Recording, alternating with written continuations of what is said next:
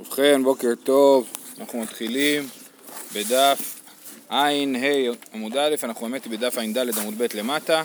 אה, בואו נקרא אה, את המשפט הלפני האחרון, כי אתמול הרצנו אותו, אז נקרא אותו היום לאט יותר.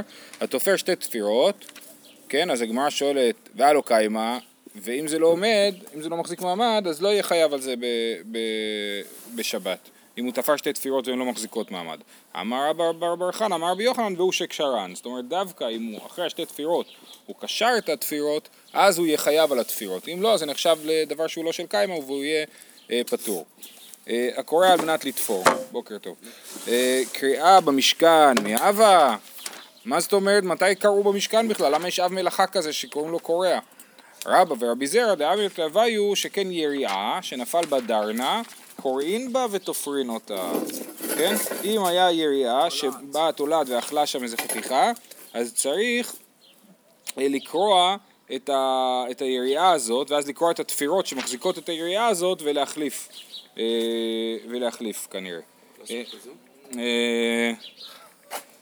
אה, אמר רב זוטרא בר טוביה, אמר רב, המותח חוט של תפירה בשבת חייב חטאת, כן? אם יש לי שתי דברים שמחוברים בחוט, אבל החוט רפוי, ואז אני מותח את החוט, מותח את החוט ומחבר את, ה, את, ה, את שני החלקים ביחד, אז אני חייב על זה. אז בעצם תפירה זה הצמדה של דברים, כן? ודנים בזה, אולי גם להדביק דברים, זה נחשב למלאכת תופר. אה, חייב חטאת. עכשיו, יש פה פשוט מימרה של אה, רב, ששלוש מימרות צמודות, שרב זוטה בטוביה אמר בשם רב, אז יש לנו פה עוד שתי מימרות לא קשורות, אבל כיוון שהם באו ביחד אז אומרים אותם. אז המותח חוט של תפירה בשבת חייב חטאת, הלומד דבר אחד מן המגוש חייב מיתה, ויודע לחשב תקופות ומזלות ואינו חושב, אסור לספר ממנו. אז זה אה, הכל מימרות שליליות, כן? על אה, אה, כל מיני עונשים לאנשים מסוימים. אז מי שמתח חוט של תפירה בשבת חייב חטאת, כן? ומי שלמד מן המגוש, מה זה מגוש? יש פה מחלוקת. מגושתא, רב ושמואל. אחד אמר חרשי ואחד אמר גדופי, כן? אז יש שאומרים שזה מכשף וחרשי, ויש שאומרים שזה גדופי, שזה עבודה זרה, שהוא מגדף, כן. לפי הרב שטיינזלץ הם לא מתווכחים על השאלה מה משמעות המילה מגוש, אלא מתווכחים על המשמעות, על, על, על הדת, על הדת על הכהני הדת המגושים שהיו בפרס ומתווכחים בעצם בשאלה איך להגדיר אותם, האם להגדיר אותם כעובדי עבודה זרה או להגדיר אותם כסתם מכשפים, כן? ככה הרב שטיינזלץ מסביר. בכל אופן, ואז כאילו זה מחלוקת של הרב ושמואל לגבי כהני הדת הגויים שנמצאים מולם והם מתווכחים איך להגדיר אותם, זו שאלה גדולה, כן? בכל אופן, אז מה שאומר פה רב זה הלומד דבר אחד מן המגוש חייב מיתה. אז אנחנו לא יודעים מי אמר מה, רב ושמואל, אחד אמר חרשי ואחד אמר גדופי, תסתיים דרב דאמר גדופי, תסתיים זה תמיד אנחנו אומרים, אנחנו רוצים למצוא מי האיש המסוים שאמר את זה, אז בוא נגיד שזה רב, למה? דאמר זוטו בר טוביה אמר רב, ולומד אחד דבר אחד מן המגוש חייב מיתה. כן? אז אם רב חושב שלומד מן המגוש חייב מיתה, סימן שהוא חושב שהמגושי זה עבודה זרה, כן? דאיסר כדאי תחר, שאם אתה חושב שהוא מכשף, הכתיב לא תלמד לעשות, אבל אתה למד להבין ולהורות, תסתיים. זאת אומרת, אם הוא רק מכשף, אז דווקא אפשר ללמוד ממנו, כי מותר ללמוד כישוף לא על מנת לעשות אותו, על מנת, אלא על מנת להבין איך הוא עובד, כן? אה, אה, זה מותר, ולכן אם רב אמר שאסור ללמוד ממגוש, סימן שזה לא כישוף, אלא עבודה זרה. אה, גידופי, כן? רש"י אומר, מין האדוק בעבודה זרה, מגדף תמיד את השם ומסית אנשים לעבודה זרה. טוב, הדבר השלישי שרב אמר זה אה, לחשב תקופות ומזלות, נכון? כל המחשב תקופות, יודע לחשב תקופות ומזלות ואינו חושב אסור לספר ממנו. מה זה אומר לחשב תקופות ומזלות? זה אסטרונומיה, כן? אסטרונומיה ואסטרולוגיה שפעם היו ביחד, כן? אז אתה יודע את מהלך השמיים, אתה יודע מתי יהיה ליקוי חמה, מתי יהיה ליקוי לבנה אה, אה, וכדומה. מתי הירח אה, יהיה המולד, כן? אמר רבי שמעון בן פזי, אמר רבי יהושע בן לוי, משום בר כפרה, כל היודע לחשב בתקופות ומזלות ואינו חושב עליו, אה, ואינו חושב, עליו הכתוב אומר, ואת פועל השם לא יביטו, ומעשה ידיו לא ראו. זאת אומרת, מול העיניים שלך אתה רואה את כל הכוכבים, ואתה לא לומד אותם, לא מתפעל מהם, כן? יש אנשים שעושים דוקטורט בביולוגיה, נגיד, בשביל הדברים האלה, כן? זה מול הפרצוף שלך, אתה צריך לדעת את זה, פועל השם לא יביטו, מעשה ידיו לא ראו. אפשר להרחיב את זה. כן, לגמרי. אמר רב שמואל בר נחמני, אמר ביוחנן, מניין שמצווה על האדם לחשב תקופות המזלות, שנאמר, ושמרתם ועשיתם כי חוכמתכם ובינתכם לעיני העמים, איזו חוכמה ובינה שהיא לעיני העמים, הווי אומר זה חישוב תקופות ומזלות. דווקא חישוב תקופות ומזלות הוא לעיני העמים, למה? כי העמים, אה, כי, כי העמים, אני, אני אומר, מחר יהיה ליקוי לבנה, ובאמת זה קורה, אז כולם רואים שאני צודק, זה דבר שהוא לעיני העמים. אפשר, רש"י לוקח את זה הלאה, הוא אומר שהם באמת ידעו לפי הכוכבים אם יהיה גשם, אם לא יהיה גשם, וכאילו... ממש כמו חיזוי מזג האוויר הם ידעו לעשות, וזה גם כן לעיני העמים. ולהתגאות מולם? זה לא להתגאות, זה להראות שאתה חכם. זה, זה לא, כאילו, זה חוכמה שהיא ניכרת לעין. כשאני עושה חידוש בתוספות, כן? זה אחד הדברים שמרשימים אנשים. שמה? זה החישוב המאוד מדויק. כן. אה, אה, אם אני עושה חידוש בתוספות, אז הגויים לא מבינים מה החידוש פה, נכון? אבל אם אני אומר להם, תשמעו, מחר יהיה ליקוי לבנה, אז כולם רואים שאני חכם. אז זה חוכמתכם ובינתכם לעיני העמים, כן?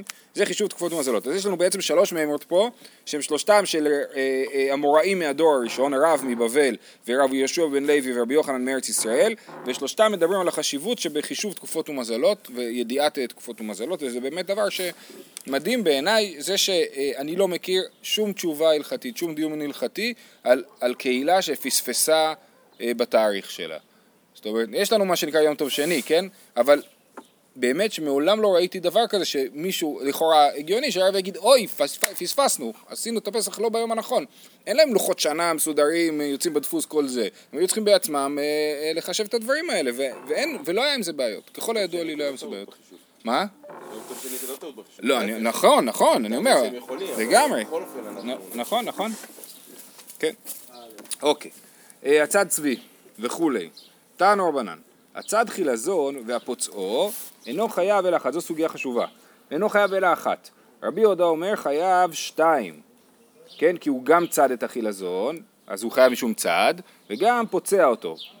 אה, אה, רבי יהודה אומר חייב שתיים, שהיה רבי יהודה אומר פציעה בכלל דישה, כן?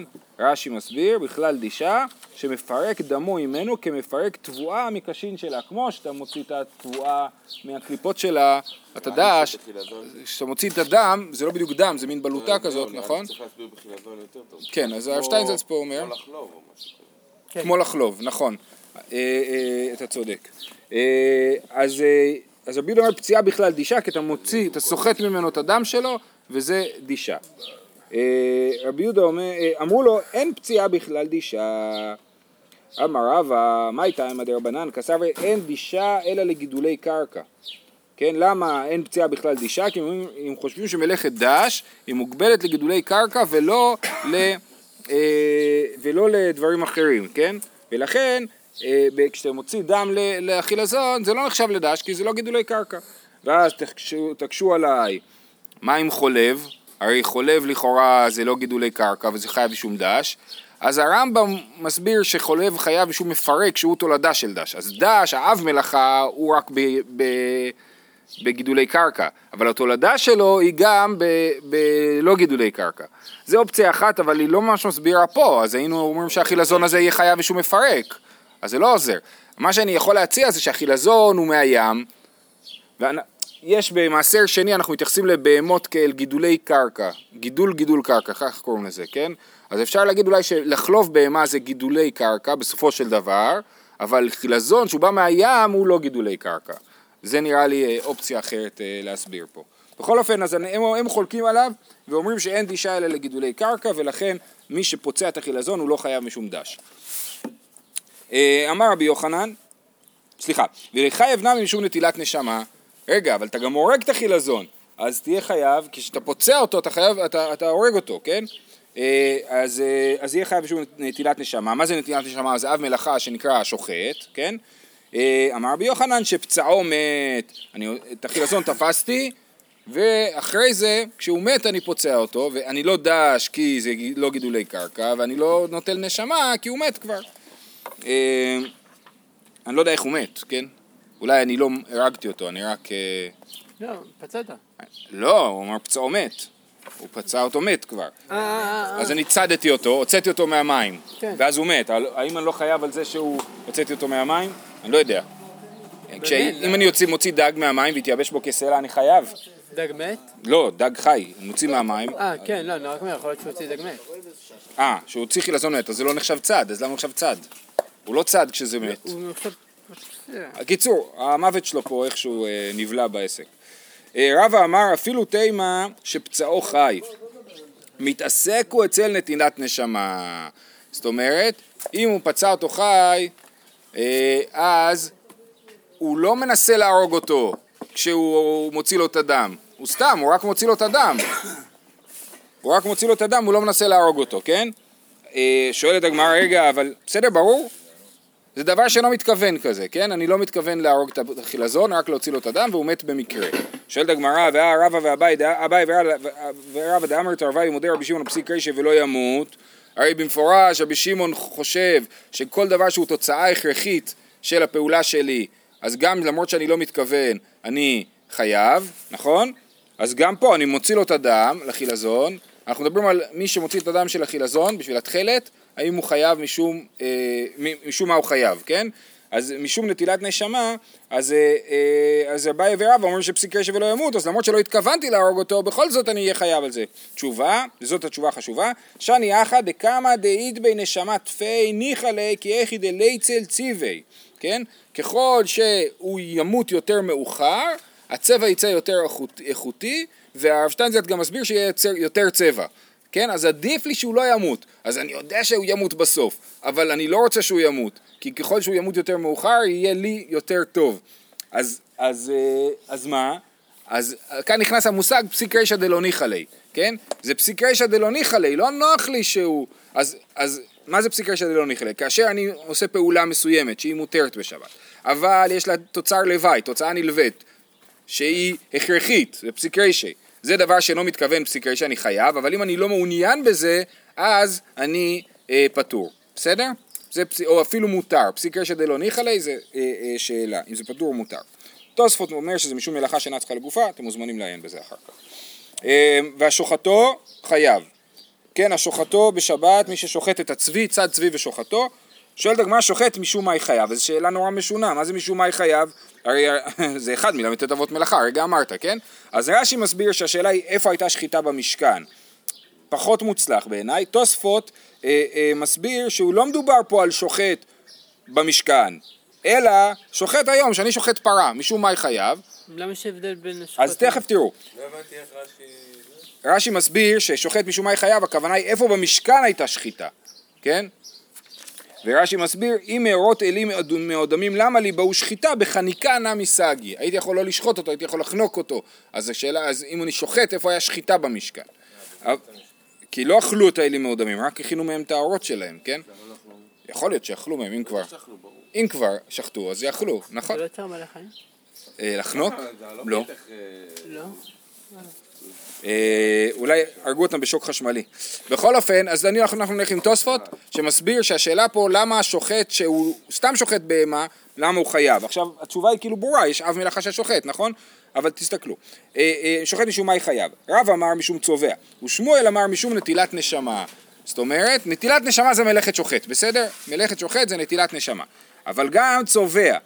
אז אומרת הגמרא, משום צובע אין, משום נטילת לשמה, לא, הרי מי ששוחט הוא שוחט, נכון? אז הוא חייב משום נטילת לשמה. אם אף משום צובע, הוא לא רק שוחט, הוא גם צובע. זה ה...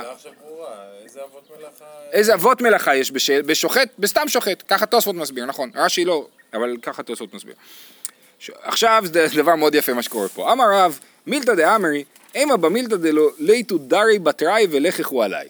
מה שאמרתי, בוא אני אסביר את עצמי, כי אחרת יבואו הדורות הבאים ויצחקו עליי, יחשבו שאני סתם קשקש, כן? אני אסביר, מה זה צובע? מה שייך שוב- ש- צובע בשוחט? אה, צובע במאי ניחא ליה? ניחא דליטביס בית השחיטה דמה, כי איכי דלכסוע אינשי וליטו ליזבנו מיני. אני- הוא רוצה שיראו שהבית השחיטה אדום, כמו שבשוק בודקים את הדגים, מסתכלים על הזימים לראות שזה אדום, נכון? אז הוא רוצה שהבית השחיטה יהיה אדום ויפה, וכולם יראו שזה בשר טרי, כן? ולכן אה, אה, הוא רוצה, לכן גם נוח לו עם הצביעה והוא חייב עליה. בסדר? אז המחלוקת היא בין רב לשמואל, ש, ששמואל אומר שחייב רק משום נטילת נשמה, ורב מוסיף את, אה, את דין של אה, צובע. אוקיי, הלאה, אנחנו באור של הצבי, המולכו והמעבדו. אמרנו שאתה שם מלח על ה... על ה... סתם ככה, כשאנחנו מחפשים כמה אבות מלאכה יש במלאכה, כן. זה מינה לכמה קורבנות? כמה קורבנות אם עושה את זה בשוגג. וגם אם הוא עשה את זה במזיד ויתרו בו במלאכה הלא נכונה, אז הוא יהיה פטור. אם מישהו, רואים מישהו שהוא קוצר עצים ואומר לו אסור לחרוש, אז הוא לא חייב. אבל אם אני רואה מישהו קוצר עצים ואומר לו אסור לקצור, אז הוא חייב. כן. אם אתה רוצה להתחיל להתרות באנשים, כן. אה, אה, אמ- אמר- אמרנו, סליחה, אוקיי, והמלאכו והמעבדו. אז הוא מולח את האור ומעבד אותו, כן? מעבדים עם כל מיני חומרים כימיים אה, אה, אחרים, הם היו, היה מה שנקרא אוגה בורסקאים, כן? אה, שמשת- יש- יש- יש אוגה בורסקאים, היו משתמשים בו. קוראים לזה אוגה בורסקאים כי בורסקאים משתמשים בו לעיבוד. אבל הגמרא שואלת, היינו מולח, היינו מעבד, הרי גם המליחה היא חלק מתהליך העיבוד, אז מה פתאום יש לנו מולח ומעבד? זה מלאכה אחת. ובאמת, רבי יוחנן וריש לקיש דאמר תרוויו אפיק חד מניו. באמת צריך להוציא את אחד מהם, מולח ומעבד זה אב אחד ולא שתיים, וצריך להכניס עכשיו אחד חדש כי יש 39. כן, צריך לחשוב על מקום חדש. רגע, יש... סליחה שאני... כן, יש מקום שמופיע בו כל הל"ט אבות מלאכה? המשנה שלפני יומיים למדנו. כן. שוקי מפחד מהראש שיבה. לא, כן. היינו מלאכו, היינו מעבד. רבי יוחנן וריש לקיש דאמר תרוויו אפיק חד מניו ואיל שרטוט. תוציאו את אחד מהם ותכניסו במקום זה שרטוט. שרטוט זה שאתה משרטט על האור לפני שאתה חותך אותו, כן? אה, ככה רש"י מסביר. למה זה לא צביעה? זה, זה לא, אתה לא צובע, אתה חורץ. אתה עושה סימן אה, יבש כאילו. אה, אמר רבא בר אבונה היימן דמלאך בישר חייב משום מעבד. מי שמולח בשר, כן? כל מליחה, אז הוא חייב משום מעבד. רבא אמר אין עיבוד באוכלין. לא נכון, אין עיבוד באוכלין וככה אנחנו פוסקים. לא בדיוק, אנחנו לא פוסקים ככה, אנחנו פוסקים שאסור למלוח אה, ירקות אה, זמן רב לפני הארוחה באמת. אבל השאלה היא למה. אה, אה, אנחנו נגיע לזה ב... לא זוכר, פרק 16 אני חושב. אה, אתה אומר אין עיבוד באוכלין כי זה בישול. אין עיבוד באוכלין, לפי הרמב"ם כי זה בישול. כן.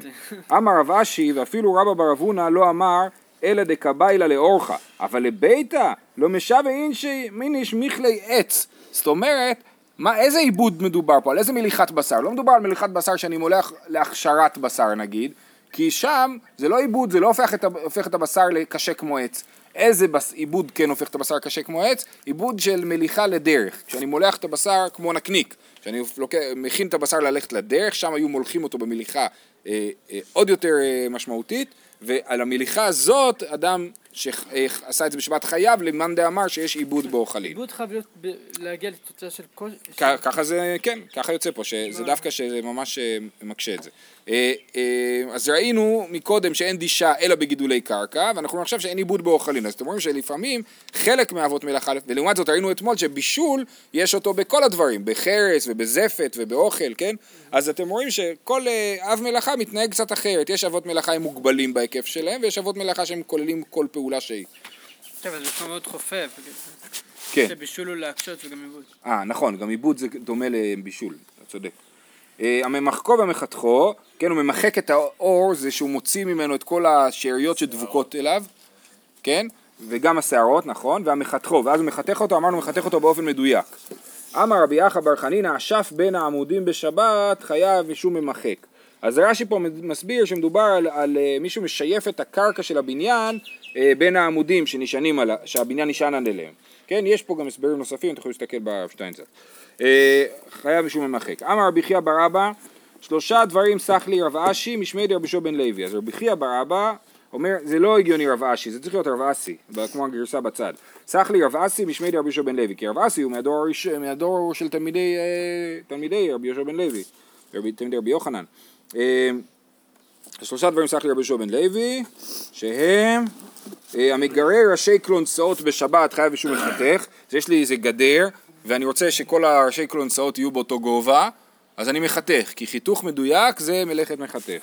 הממרח רטייה בשבת חייב אישום ממחק, איזושהי תחבושת, אני לא ברור לי בדיוק מה היא עשויה, אבל הוא מורח אותה על, על, על האור והוא חייב משום ממחק, והמסטט את האבן בשבת חייב משום מכה בפטיש. וזה באמת מחלוקת בפרק אה, הבונה, האם מסטט חייב משום בונה או משום מכה בפטיש, רבי יהושע בן לוי חושב שמכה בפטיש.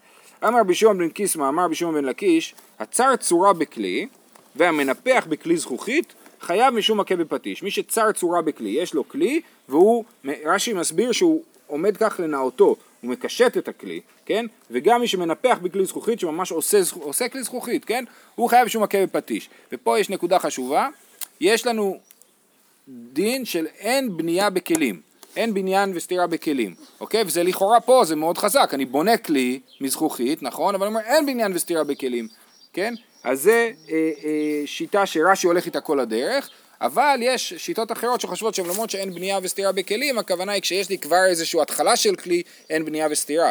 אבל אם יש לי, אה, אה, אם יש לי כבר איזושהי התחלה של כלי ואני רק משפר אותו, אז יש בניין וסתירה. אני, איך אם זה מצטדר עם העניין של ניפוח זכוכית זה, זה קשה, כן? צריכים אה, ליישב את זה. אמר רב יהודה, אמן דשקיל עקופי מגלימי חייב משום מכה בפטיש ואנמילי דקפי דליו. יש, אה, אחרי שאתה מסיים לארוג, אז אה, יש כמו שוונצס שיוצאים, כן? וצריך זה רב יהודה כאילו? להוציא, להוציא את החוטים. אמר רב יהודה, כן. אה, אמן דשקי לקופי, בואו נקרא את זה ברש"י. ראשי חוטין התלויים ביריעה במקום קישורן, כשניתק בחוט וקשרו, וכן קשים וקסמים דקים שנהרגו בו בלא מתכוון. בתוך ההריגה נפלו קסמים ונתפסו בתוך ההריגה, אז הוא, ונוטלים אותם ממנה לאחר ההריגה. אז אחרי שיש לי כבר את החתיכת בד הרוג, אני מתקן אותו, אני חותך את השוונצס ו- ומוציא את הקסמים שנתקעו, זה מכה בפטיש, גם כן זה גמר מלאכה, כן? וזה דווקא אם הוא מקפיד על זה, אם הוא לא מקפיד על זה, אם לא אכפת לו, אם הוא הולך כך, הוא ממשיך עם זה הלאה, אז, אז, אז אם הוא יעשה את זה, הוא לא יהיה חייב בזה. זה כאילו כמו להוריד את התווית כזה? אז זהו, אז להוריד את התווית זה שאלה. אני חושב שלהוריד את התווית זה לא מכה בפטיש, בגלל שיש לנו קודם כל בגד, ואז באה בחנות ושמו על זה תווית, נכון? אה. אז אני לא, זה לא גמר מלאכה. הגמר מלאכה זה, לא יודע מה, הפתק שחיברו ל... ל שחיברו לחולצה שנשאר בה אולי, כי בלי זה אתה לא מוכר את הבגד. מה שאתה לא מוכר בלעדיו, כאילו, אז הוא מכה בפטיש. אבל פה התווית, רק חיברו את זה בשביל, אה, לא יודע מה, בשביל המחיר או משהו. אז זה לא נראה לי מכה בפטיש, אבל יש באמת הרבה שאומרים שזה כן. אה, הכותב שתי אותיות. תנו רבנן, כתב אות אחת גדולה ויש במקומה לכתוב שתי אותיות, שתיים פטור. מחק אות גדולה ויש במקומה לכתוב שתיים חייב, כי כתוב המוחק על מנת לכתוב שתי אותיות, אז זה לא מוחק שתי אותיות על מנת לכתוב שתי אותיות, אלא כל מחיקה שהיא על מנת לכתוב שתי אותיות, חייב עליה. אמר רבי מנחם ברבי יוסי, וזה חומר במוחק מבכותב. הבונה והסותר והמחבב והמכה בפטיש. אה, כאילו אם אתה כתבת. ספר, כן. הגעת לסוף, לסוף השורה, כן. קלטת שכתבת את האות האחרונה על הקצה, אבל חסר, נגיד, היית צריך לכתוב ה' ו', כתבת ה' והגעת לקצה, כן, עכשיו אתה רוצה לדחוש שתי אותיות, אתה מוחק את ה' ורוצה לדחוש שם שתי אותיות, כן. אתה אומר שאתה חייב. לכאורה, כן. כן. טוב, זה מעניין, כי זה לכאורה אותיות סטנדרטיות. אז אתה בסדר. הבונה והסותר, המחבב והמביא ומכה בפטיש. רבא ורבי זרע, דאמר תרוויו, כל מידי דאית בגמר מלאכה, חייב משום מכה בפטיש. אז בעצם כבר ראינו את זה מקודם, אבל אה, פה זה המקור, זה המימר שלהם. אז כל מידי דאית בגמר מלאכה. אלו אבות מלאכות. המשנה מסיימת, אלו לאבות מלאכות. בואו נקרא שנייה את הסוף של המשנה, שאמרה, אלו אבות מלאכות.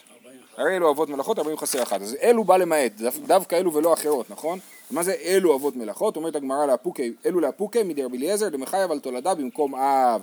רבי אליעזר אומר כשאדם עושה אב ותולדה שלו, נגיד לדוגמה, בן אדם קוצר וזומר, נכון? קוצר וזומר אמרנו שזו תולדה של קוצר, אז הוא חייב שתיים, שתי חטאות. אז לרבי אליעזר, בניגוד לרבי יוחנן, שראינו כל הזמן שמקסימום שאתה יכול להגיע זה 39 אבות מלאכה, לרבי אליעזר אפשר להגיע לאינסוף אבות מלאכה, כי אתה יכול לעשות את כל האבות ואת כל התולדות שלהם, כן? אמ, אז, אה, אז, אה, אז המילים אלו אבות מלאכות, להגיד דווקא אלו אבות מלאכות ולא חייבים על תולדה במקום אב, זה מה שזה בא לדייק. חסר, חסר אחת, 40 חסר אחת, לאפוקי מדי רבי יהודה. דתניא רבי יהודה מוסיף, את הש... למה אתה, אנחנו יודעים לספור לבד, וגם בתחילת המשנה מה היה כתוב? אבות מלאכות 40 חסר אחת, ובסוף היה כתוב עוד פעם 40 חסר אחת, אז למה צריך להגיד את זה שוב? לאפוקי מדי רבי יהודה, תניא רבי יהודה מוסיף את השובת והמדקדק, מוסיף עוד שתי אבות מלאכה, שובת ומדקדק. שובת זה שהוא מסדר את חוטי השתי, ומדקדק הוא מסדר את חוטי הערב. שוב, יש לנו חוטי שתי, נכון? אבל לפעמים הם עקומים קצת או משהו כזה, אז הוא, אה, אה, אה, הוא מסדר אותם, זה שובת, ומדקדק זה אה, אתה הורג, נכון? אתה מעביר את החוט של הערב בין השתי כל הזמן ככה, ואז אתה דופק עליו פנימה בשביל שיהיה צפוף, אוקיי? אז זה המדקדק. או רש"י אומר אה, גם הפוך, שהוא, שלא יהיה מתוח יותר מדי, שהמתיחה מעכבתו מתחבר יפה עם ההרג, בסדר? אז זה רבי יהודה. אמרו לו, שובת הרי הוא בכלל מסך, אם זה חלק מסידור חוטי השתי זה מסך, מסך זה אמרנו הפריסה של חוטי השתי על הנול, אז זה מסך וגם שובת זה חלק מזה, ומדקדק הרי הוא בכלל הורג, זה חלק מהמלאכת ההריגה, ולכן זה לא אבות נפרדים. זאת אומרת, השאלה היא באמת עד כמה אתה מפרק כל, כל פעולה שאתה עושה לחתיכות, כן? האם נגיד שלשלוף את המגל זה בעצמו אה, אב מלאכה? לא, אנחנו רק, הקוצר זה אב מלאכה שכולל בתוכו את כל הפעולות. מה? ועוד כלל אחר אמרו, כל הכשר להצניע ומצניעין כמוהו, והוציאו בשבת חייב חטאת עליו, וכל שאינו כשר להצניע ואין מצניעין כמוהו והוציאו בשבת אינו חייב אלא המצניעו. אז פה מכאן אנחנו נכנסים לכמה, אה, לא, לא בדיוק, אה, נגיד משהו כמו שתיים, שתי פרקים בערך, שמדברים על הכמויות של הדברים ש, שאם אתה הוצאת אותם בשבת אתה חייב עליו חטאת. בסדר? אז באמת משתנה, אה, זרע, אתה חייב על שני זרעים, ולא יודע מה, אה, דבק כדי ליתן בראש שבשבת, ועוד כל מיני כאלה אה, דברים שהמשנה תגיד. אבל פה זה הכלל, כן? מה הכלל אומר? כל הכשר להצניע, ומצניעין כמוהו, והוציאו בשבת חייב חטאת עליו, אפילו אם הוא בעצמו לא, לא, זה לא חשוב בעיניו. כן? יש חקלאי גדול, יש לו מיליון זרעים, שתי זרעים זה שטויות בפניו, אצ, אצלו, כן? אבל אצלי בבית שתי זרעים זה חשוב, אז, אז- ואצל רוב העולם שני זרעים זה חשוב, אז גם החקלאי הגדול יהיה חייב על זה. אה, אז כל הכשר להצניע ומצניעין כמוהו ויוציאו בשבת חייב חטאת עליו. וכל שאינו כשר להצניע ואין מצניעין כמוהו ויוציאו בשבת אינו חייב אלא המצניעו. לחומרה אנחנו... להצניע זה מי ששומר את זה.